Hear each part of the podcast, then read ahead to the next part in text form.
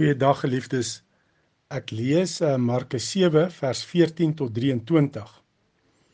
Daarna het Jesus weer die menigte nader geroep en vir hulle gesê: Luister julle almal hier na my en verstaan dit goed. Niks wat van buite af in 'n mens ingaan kan hom onrein maak nie. Maar die dinge wat uit 'n mens uitkom, dit maak hom onrein. Toe hy van die menigte af weer huis toe gegaan het, het sy disippels hom oor hierdie beeldspraak uitgevra. Hy sê toe vir hulle: "So, dan verstaan julle dit ook nie.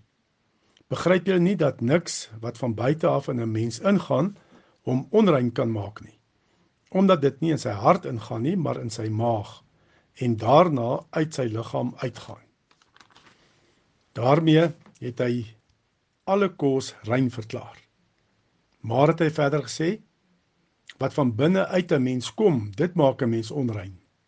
Van binne af uit die hart van die mens kom die slegte gedagtes, onkuisheid, diefstal, moord, oorspel, hebsug, kwaadwilligheid, bedrog, losbandigheid, afguns, kwaadpratery, hoogmoed, ligsinnigheid.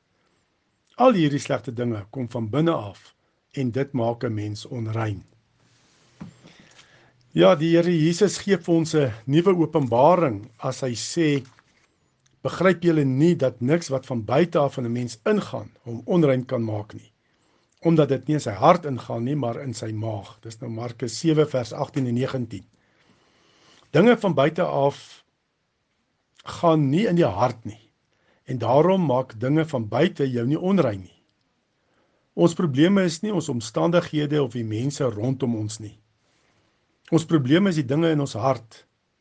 Van binne af, uit die hart van die mens, kom die slegte gedagtes, onkuisheid, diefstal, moord, oorspel, hebsug, kwaadwilligheid, bedrog, losbandigheid, afguns, kwaadpratery, hoogmoed, ligsinnigheid. Al hierdie slegte dinge kom van binne af en dit maak 'n mens onrein, sê Jesus in Markus 7 vers 21 tot 23. So as iemand sê die probleem in my lewe is my man of die probleem is my vrou, my kinders, my werk, my baas. Dis hierdie COVID-19 pandemie. Die probleem is die regering.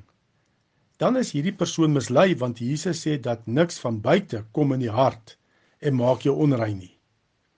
Die strategie van die vyand is hy gebruik eksterne magte om jou aan te val op 'n spesifieke manier waarvoor jy vatbaar is maar eintlik is daar geen mag in daardie aanval nie.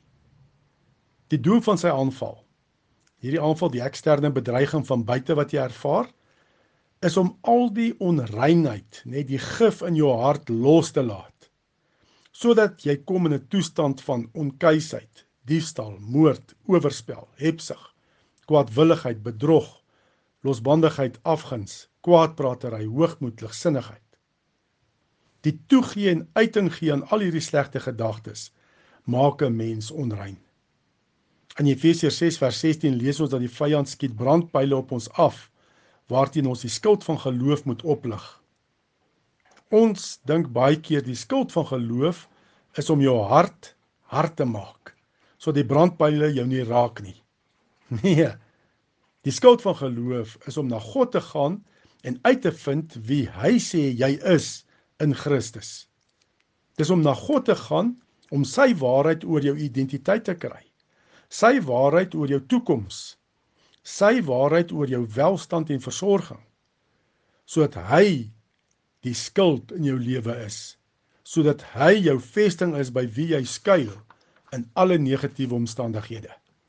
Sodat hy jou verdediging is teen al jou vyande. As jy sy waarheid in Christus waarlik glo, dan het jy dan het jy vertroue in sy verdediging en hoef jy nie jouself te verdedig nie. Hoef jy nie jou hart hard te maak en mense uit te sny uit jou lewe nie. Weet mense sê so baie keer ek sny bande met die een of daai een. Of as jy werklik dit glo dan hoef jy nie alles blokkeer in jou lewe nie. Jy heeltyd te verwyder van omstandighede nie ek weet dan as ek werklik glo wat die waarheid is vir my lewe, dan weet ek dat niks buite my maak my onrein nie, maar dit wat binne my is. As jy jou hart verhard, mense en omstandighede uit jou lewe sny en blokkeer, dan is jy besig om eintlik maar net jouself stadig aan te vergiftig. Jy word woedend en bitter teenoor mense en omstandighede en selfs later kan jy bitter en woedend raak teenoor God wat hierdie slegte ding in jou lewe toegelaat het. 'n Kritiese sleutel is as jy 'n eksterne aanval ervaar, 'n eksterne mag teen jou. Die doel is dan nie dat jy 'n skuld oprig en jouself verdedig nie.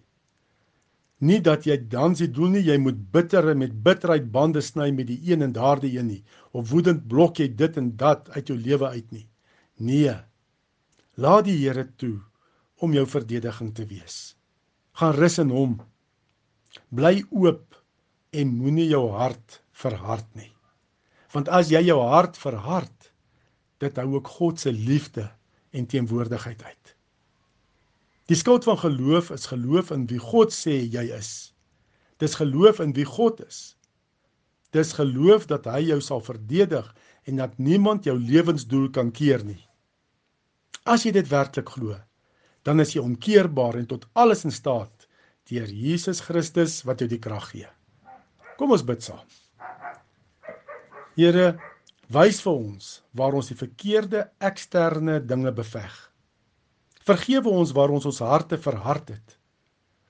Wys vir ons wie ons werk, wie ons werklike vyand is, die duiwel en sy magte.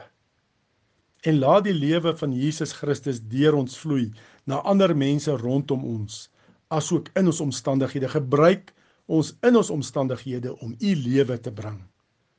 Gebruik ons om 'n seëning te wees waar ons gaan. En ons bid dit alleen in Jesus Christus se naam. Amen.